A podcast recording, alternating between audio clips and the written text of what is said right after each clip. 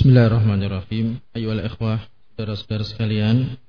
Pada sesi yang kedua ini kita akan mulai dengan membaca beberapa pertanyaan yang telah terkumpul di meja panitia. Dan insya Allah nanti sampai sholat luhur Sholat luhur di masjid ini sekitar setengah dua belas dan nanti sesudah zuhur langsung dilanjutkan membaca soal lagi ya sampai selesai. Ya bukan selesai soalnya tapi selesai waktunya, selesai ya jadwalnya. Kita mulai. Fadilatul Syekh Qala ta'ala wasta'inu bis sabri was salah ما هو تفسير أو أقوال العلماء في هذه الآية. واستعينوا بالصبر والصلاة وإنها لكبيرة إلا على الخاشعين. ما هو التفسير من هذه الآية أو أقوال العلماء في هذه الآية؟ بسم الله الرحمن الرحيم. الحمد لله رب العالمين. معنى قوله تعالى واستعينوا بالصبر والصلاة. تستعين بالله بأداء الواجبات الدينية.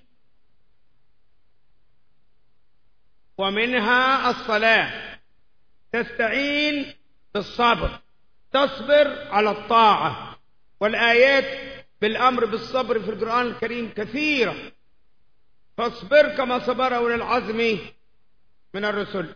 يا أيها الذين آمنوا اصبروا وصابروا ورابطوا. المصابرة تأمر أخاك أن يصبر والمرابطة الاستمرار على الصبر. ثم تستعين بالصلاة لأن الصلاة من ذكر الله. ولما تذكر الله تقرأ القرآن. تصلي الصلوات سواء كانت المكتوبات أو النوافل أنت تستعين بالله على الشيطان الرجيم الذي يصدك عن ذكر الله وعن الصلاة يأمرك بالمعاصي ويأمرك بالوقوع في الشهوات يوسوس لك الشيطان. الشيطان يعيدكم الفقر ويأمركم بالسوء والفحشاء. ولهذا أمرنا الله سبحانه وتعالى إذا أردنا أن نقرأ القرآن أن نستعيذ بالله من الشيطان الرجيم. فإذا قرأت القرآن فاستعذ بالله من الشيطان الرجيم. لماذا؟ من أجل أن نتأثر بالقرآن. ومن أجل أن نستفيد بالقرآن. وبالصلاة لما تؤدي الصلاة. إن الصلاة تنهى عن الفحشاء والمنكر ولذكر الله أكبر. فبالصلاة تستعين بالله على أداء العبادات الأخرى.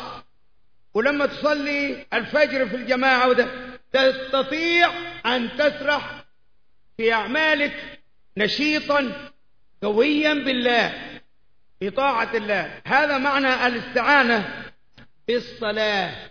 وكل الأذكار وكل العبادات لكن لما تترك, تترك الصلاة يستهويك الشيطان يستهويك الشيطان ويستولي عليك.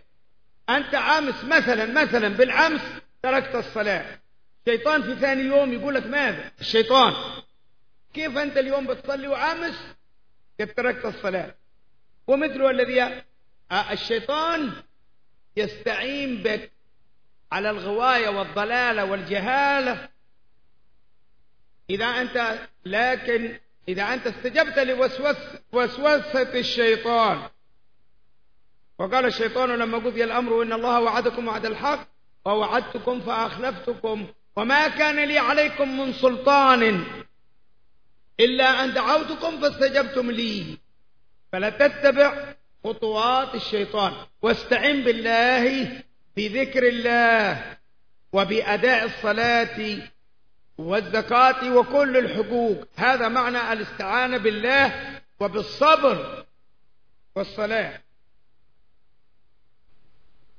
Jadi pertanyaannya Bagaimana tafsir atau penjelasan firman Allah Ta'ala dalam surat Al-Baqarah Wasta'inu bis sabri was salah Kemudian beliau menjawab Wasta'inu bis sabri Maksudnya adalah kita memohon pertolongan kepada Allah untuk mengerjakan hal-hal yang wajib yang diperintahkan oleh Allah Subhanahu wa taala di antaranya adalah salat dan sabar. Dan sabar ini telah datang perintah dari Allah Subhanahu wa taala di dalam banyak ayat. Allah Subhanahu wa taala mengatakan fasbir kama sabara ulul azmi minar rusul. Bersabarlah kamu hai Muhammad sebagaimana ulul azmi dari para rasul telah sabar. Kemudian Allah Subhanahu wa taala juga mengatakan ya ayyuhalladzina amanu sabiru wasabiru warabitu. Hai orang-orang yang beriman, sabarlah kalian dan ajaklah orang lain untuk sabar dan kuatkanlah kalian. Yang diperintahkan dan yang dimaksud di dalam ayat tersebut adalah senantiasa istiqomah senantiasa terus menerus untuk sabar dan mengerjakan sholat yaitu sholat wajib dan sholat yang sunnah. Dan jangan sampai ya syaitan bisa menghalangi kita untuk meninggalkan sholat atau meninggalkan berzikir kepada Allah subhanahu wa ta'ala. Jadi yang dimaksud hendaknya kita senantiasa memohon pertolongan kepada Allah subhanahu wa ta'ala dari godaan syaitan. Yang mana syaitan ini senantiasa menjanjikan kepada kita kefakiran. Ya, oleh karena itu ketika kita membaca Quran, hendaknya kita diperintahkan untuk memohon perlindungan kepada Allah supaya kita ketika membaca Al-Quran tidak terpengaruh dengan godaan syaitan, bahkan kita terpengaruh dengan apa yang diajarkan di dalam Al-Quran. Ya demikian juga Allah mengatakan Ya inna salat tanha anil fahsya'i wal munkar wala dzikrullahi akbar. Sesungguhnya salat yang akan menghalangi kita untuk berbuat keji dan berbuat kemungkaran. Sesungguhnya berzikir kepada Allah itu lebih besar. Ya oleh karena itu, ya hendaknya sabar dan salat ini senantiasa kita kerjakan, kita tingkatkan dengan memohon pertolongan kepada Allah Subhanahu wa taala agar syaitan senantiasa ya tidak menghalangi jalan kita. Ya senantiasa ya apabila kita meninggalkan sholat kemudian syaitan memberikan was-was pada hari berikutnya. Ya bukankah kamu kemarin ya tidak mengerjakan sholat? Dan akan senantiasa digoda oleh syaitan seterusnya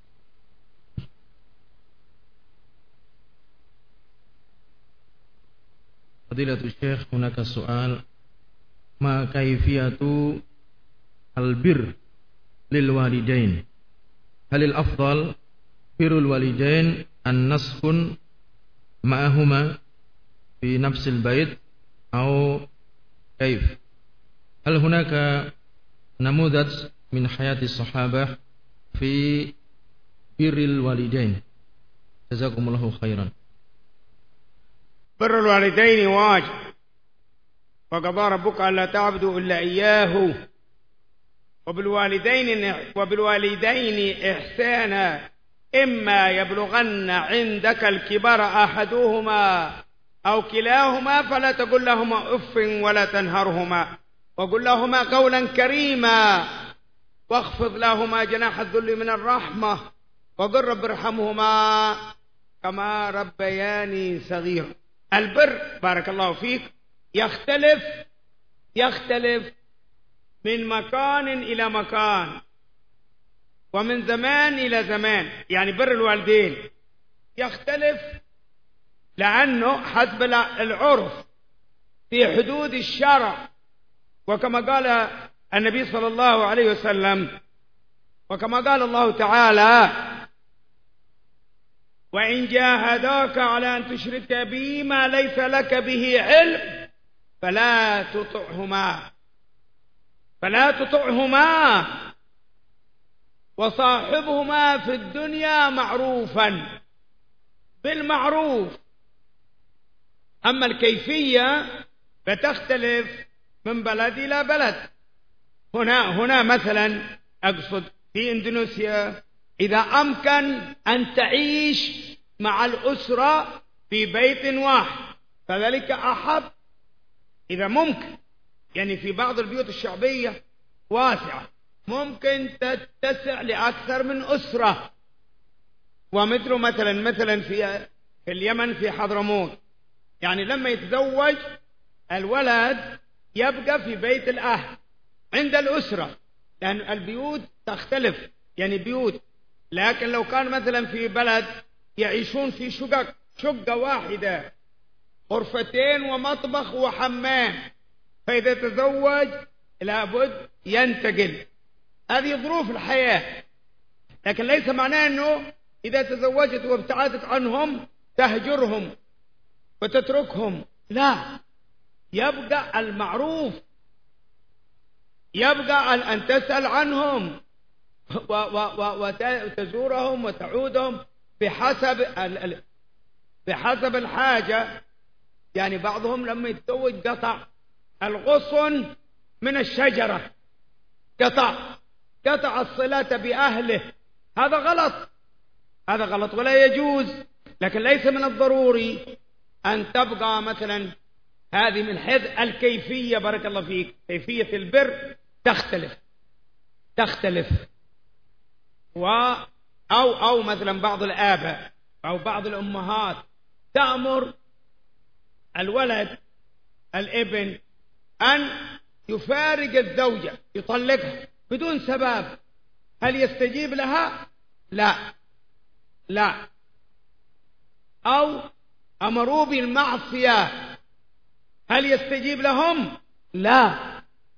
قالوا ذكروا عن الإمام أحمد الإمام أحمد بن حنبل رضي الله تعالى عنه سأله رجل رجل يسأل الإمام أحمد بن حنبل رحمه الله تعالى يقول له إن أبي إن أبي يأمرني بطلاق زوجتي.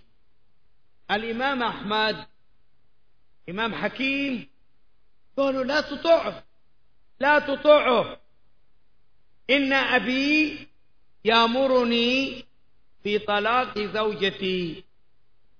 فيقول الإمام أحمد لا تطعه. لا تستجيب له.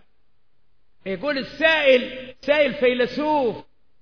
السائل يقول للإمام أحمد فإن عمر فإن عمر سيدنا عمر بن الخطاب أمر ابنه بطلاق زوجته. فإن عمر أمر ابنه بطلاق زوجته.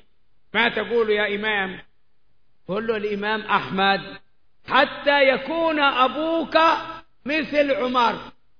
إذا كان أبوك مثل عمر بن الخطاب ما الأمر. لكن أبوك جاهل أحمد. يقول لك طلق الزوجة. مثلا هذا مثال. مثال. إن أبي يمرني بطلاق زوجتي. لا تطع إيه السبب؟ هذا المقصود. المقصود أنه الطاعة لها حدود. يعني بحيث أنه لا يتجاوز. لا يتجاوز حق الآخرين. حق الأبوين الدرجة الأولى. الكلم الطيب. يعني بعض الأهل بعض الأولاد لما يكبر أبوه بغى فلوس أمه يعني دراهم فلوس فلوس ممكن يعطيه لكن كلام طيب ما في كلام طيب ما يعرف هذا غلط شوف القرآن الكريم قال لك ماذا تفكر في الآية فلا تقل لهما أف أف يعني كلمة تضجر أف يعني تعرض بوجه أي كلمة يعني لو أعطيت له فلوس مع ما يريدها منك هم الكبير يحتاج إلى الكلام الطيب. الرافة والشفق. ذكرك القرآن عندما كنت أنت صغير. صغير لا تملك من أمرك شيئا. ولهذا قال لك وارحمهما كما ربياني صغير. ذكرك بهم عند الكبار. الكبير كل ما كبر يضيق خاطره نفسه نفسه تضيق. يحتاج إلى الكلام الطيب أكثر من الأكل والفلوس. إذا كبر يحتاج إلى الرعاية. واصبر عليه. كلمة طيبة فلا تقول لهما أف ولا تنهرهما. ولا تنهرهما.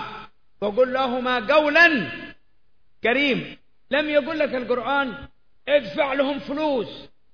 لا. لأنه هذا ملحوظ ملاحظ عند كثير من الأولاد ذكورا وإناثا. يعني يسيئون الكلام مع الأهل مع الأبوين وكذلك الأقارب كله لكن الأهل الأبوين الأب والأم وكذلك الجد والجدة في الدرجة الأولى. وقل لهما قولا كريما. واخفض لهما جناح الذل من الرحمة وقل رب ارحمهما كما ربياني صغيرا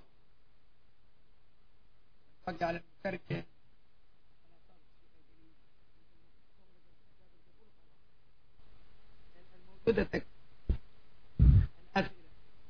Pertanyaan kedua, bagaimanakah berbakti kepada orang tua itu? Apakah lebih utama tinggal bersamanya dalam satu rumah atau terpisah? Bagaimanakah dengan kehidupan para sahabat dalam mengasuh atau merawat kedua orang tuanya? Kemudian beliau menjawab, Birul walidain berbakti kepada kedua orang tua itu hukumnya wajib. Sebagaimana Allah Subhanahu wa taala memerintahkan wabil walidaini ihsana dan kepada kedua orang tuamu maka berbuatlah baik dan bagaimana kaifiat berbuat baik kepada kedua orang tua? Itu berbeda beda antara satu tempat dengan tempat yang lain. Satu waktu dengan waktu yang lain. Karena birul walidain itu kembali kepada urf kembali kepada urf kepada kebiasaan ya dari satu tempat atau satu masa. Sebagaimana Allah Subhanahu wa taala mengatakan wa in jahadaka ala an tusyrika bima laisa bihi ilm fala tuti'huma wa sahibhuma fid dunya ma'rufa. Apabila keduanya memaksamu untuk berbuat syirik yang mana kamu tidak memiliki ilmu padanya, maka janganlah kamu taati. Dan pergaulilah kedua orang tuamu di dunia dengan baik. Jadi kita diperintahkan untuk mempergauli mereka ya dengan baik meskipun kedua orang tua kita mengajak untuk berbuat syirik. Kemudian ada satu kebiasaan atau satu misal ada seseorang yang ketika dia menikah ya bisa tinggal satu rumah ya dengan kedua orang tuanya dan itu baik apabila bisa ya bisa mengatur semuanya. Dan ada satu tempat juga apabila seseorang sudah menikah maka dia tinggal di tempat yang lain terpisah dengan rumah orang tuanya dan ini berbeda-beda antara satu orang dengan orang yang lain. Akan tapi ya itu termasuk ya kita berbuat dengan ma'ruf kepada kedua orang tua tetap ya kita menjenguk mereka atau berziarah ya kepada mereka sesuai dengan hajat masing-masing. Dan ada juga yang sudah menikah akan tapi dia memutus tali persaudaraan dengan keluarga, dengan bapak atau ibu. Ini merupakan kesalahan yang besar. Kesalahan yang hendaknya tidak boleh terjadi bagi ya kita semua. Apabila dia sudah menikah kemudian lupa akan bapak, lupa akan ibunya. Dan bagaimana kaifiatnya itu sendiri, kaifiat tentang birrul walidain berbeda-beda satu dengan yang lain. Terkadang ya ada juga ibu atau orang tua menyuruh anaknya untuk menceraikan istrinya tanpa ada sebab. Apakah anaknya wajib untuk mentaati atau menurutinya? Jawabnya tidak. Dahulu ada sebuah kisah disebutkan dari Imam Ahmad bahwasanya ada seseorang yang bertanya, kepada Imam Ahmad, sesungguhnya bapakku menyuruhku untuk menceraikan istri. Kemudian Imam Ahmad mengatakan, jangan kamu taati, jangan kamu ikuti perintah tersebut. Kemudian orang tersebut mengatakan dahulu sahabat Umar bin Khattab menyuruh anaknya yaitu Abdullah bin Umar untuk mencarikan istrinya. Kemudian Abdullah bin Umar mentaatinya. Bagaimana dengan hal ini wahai Imam Ahmad? Kemudian Imam Ahmad menjawab, kalau bapakmu itu sudah ya satu tingkat dengan Umar tidak mengapa. Akan tapi bapakmu adalah orang yang jahil sehingga tidak bisa disamakan dengan Umar yang memerintahkan anaknya. Maksudnya di sini bahwasanya taat kepada kedua orang tua itu memiliki batasan. Yang mana batasan tersebut ya tidak bermaksiat kepada Allah Subhanahu wa taala dan batasan-batasan juga tidak memadaratkan orang lain. Dan perkataan yang baik itu sangat diperlukan bagi seorang tua, bapak atau ibu Ya mereka tidak hanya sekedar kita beri uang atau beri ya bantuan, akan tapi diperlukan perkataan yang baik. Sebagaimana Allah Subhanahu wa taala mengatakan, "Fala taqul lahumā uffin wa la tanharhumā." Faqul lahumā qawlan karima. Maka janganlah kamu katakan kepada keduanya uf. Uf itu adalah kalimat tadajjur.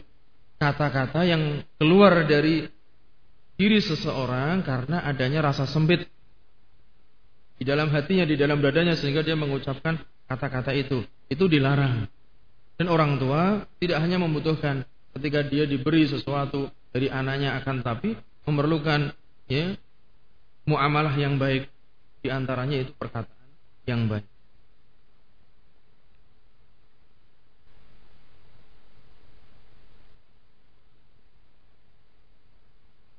Kama huwa ma'lum min ahadi syuruti salat satrul aurah. Idza salat al-mar'ah wa fi athna'i as-salah in kashafat auratuha wa tura ba'd al-aurat. ماذا عليها معروف أنه ستر العورة الصلاة شرط لصحتها فإذا حصل أثناء الصلاة انكشاف العورة تستر حالا. إن أمكن إن أم ولو باليد. يعني لو حصل يعني خرق في الثوب ممكن يستر بيده رجل أو مرأة باليد إن أمكن. أو وإلا تقطع الصلاة. إذا ما أمكن وانكشف جزء من العورة معروف أن عورة المرأة في الصلاة جميع البدن. إلا الوجه الوجه والكفين. فقط. يعني جميع بدن المرأة في الصلاة عورة. فإذا ظهر شيء من العورة تستره حالا حالا مثلا الثوب ثوب المرأة في الصلاة طلع كذا ترجعه حالا. وانكشاف العورة إن لم تستر حالا. إذا أمكن تستر بسرعة. ولو باليد إذا إذا انبذ الثوب ممكن. ما أمكن تقطع الصلاة وتستر العورة وتستأنف الصلاة Jadi pertanyaannya sudah diketahui bahwasanya di antara syarat sahnya sholat adalah menutup aurat. Apabila seorang wanita sholat dan ketika dia mengerjakan sholat auratnya terbuka, bagaimana hukumnya? Beliau menjawab, Menutup aurat adalah syaratnya di antara syarat-syarat sahnya sholat. Dan apabila nampak ketika mengerjakan sholat, hendaknya ditutup ketika itu juga. Apabila memungkinkan meskipun dengan gerakan tangan. Jadi tangannya bergerak ya untuk menutup ya dalam rangka menutup aurat tersebut tidak mengapa dan tidak membatalkan sholat. Ya baik itu kaum lelaki atau wanita. Wanita sebagaimana kita ketahui auratnya Ya semuanya aurat kecuali wajah dan kedua telapak tangan. Apabila memungkinkan ditutup ketika itu juga. Apabila tidak memungkinkan ya karena ya saya tambahkan mungkin bajunya sobek atau yang lain sehingga dia memutus sholatnya dan mengulangi ya sholat pada waktu berikutnya.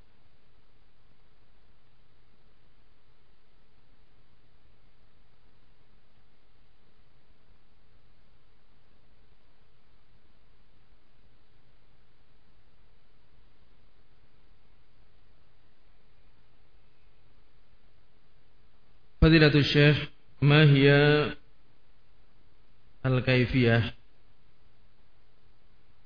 Likai nastaqim An nuaddiya as-salawat Fi waktiha Soal usani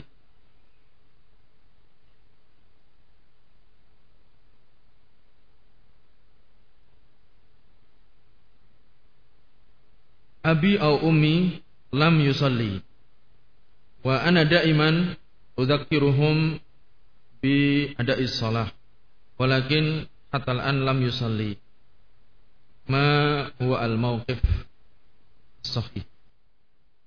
بالنسبة للسؤال الأول أنه إن الصلاة كانت على المؤمنين كتابا موجودا اليوم الحمد لله كل واحد من الناس في الغالب له ساعة في معصمه. وأنت بتسأل الأذان كم وقت وقت انظر عندك الساعة. اضبط مواقيت الصلاة. واترك لك احتياط. يعني لا تأتي متأخرا. أحرص على الصف الأول. في المسجد. خير صفوف الرجال أوائلها.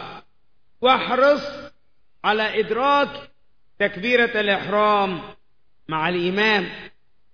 أنت الصلاة ربك سبحانه وتعالى جعلها أوقات في الغالب تكون في وقت الراحة وليست في وقت العمل.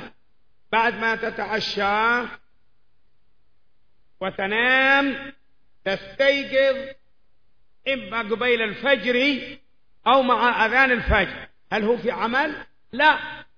تسمع المؤذن قم. الشيطان يقول لك نم. وداعي الرحمن الملك. يقول لك قم. قم. قم للصلاة. خرج. هذا التوقيت. صليت الفجر. إن جلست في المسجد أو في الم... يعني حتى تطلع الشمس. الحديث كانت له كان له أجر حجة وعمرة تامة تامة تامة.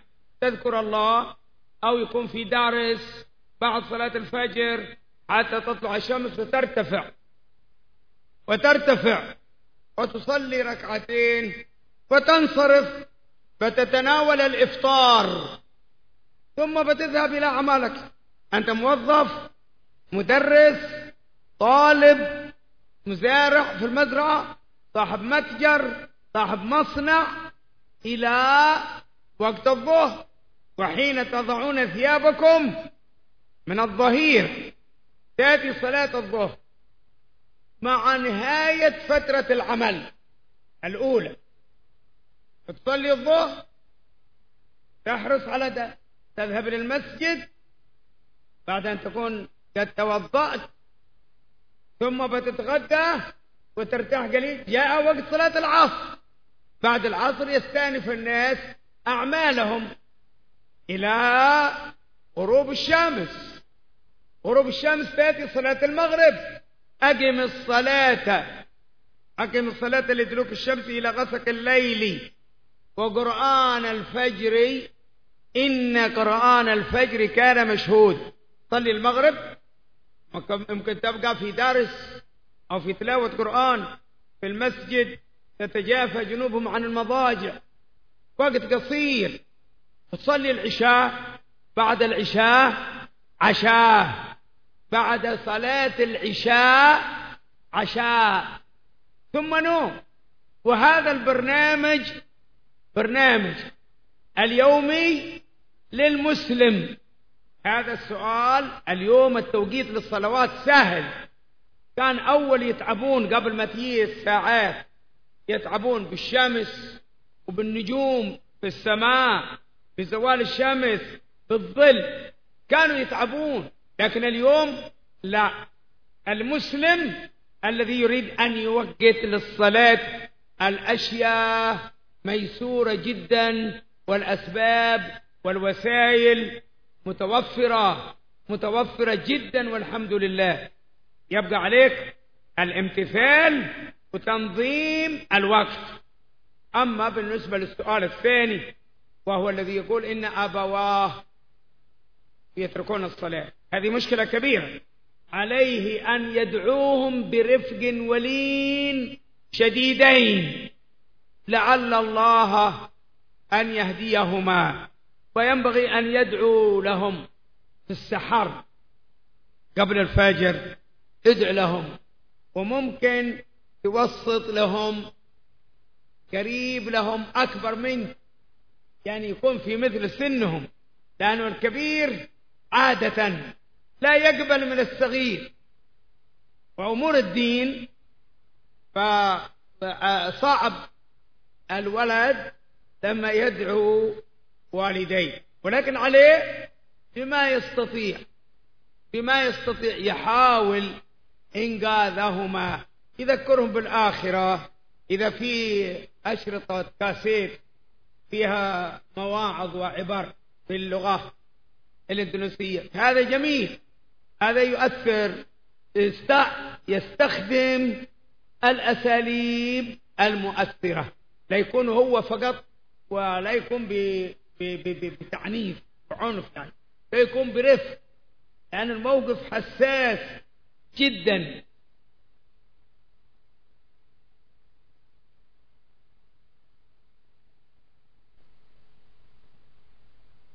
Jadi pertanyaannya, ya Syekh bagaimana kiat-kiat selalu istiqomah sholat tepat waktu?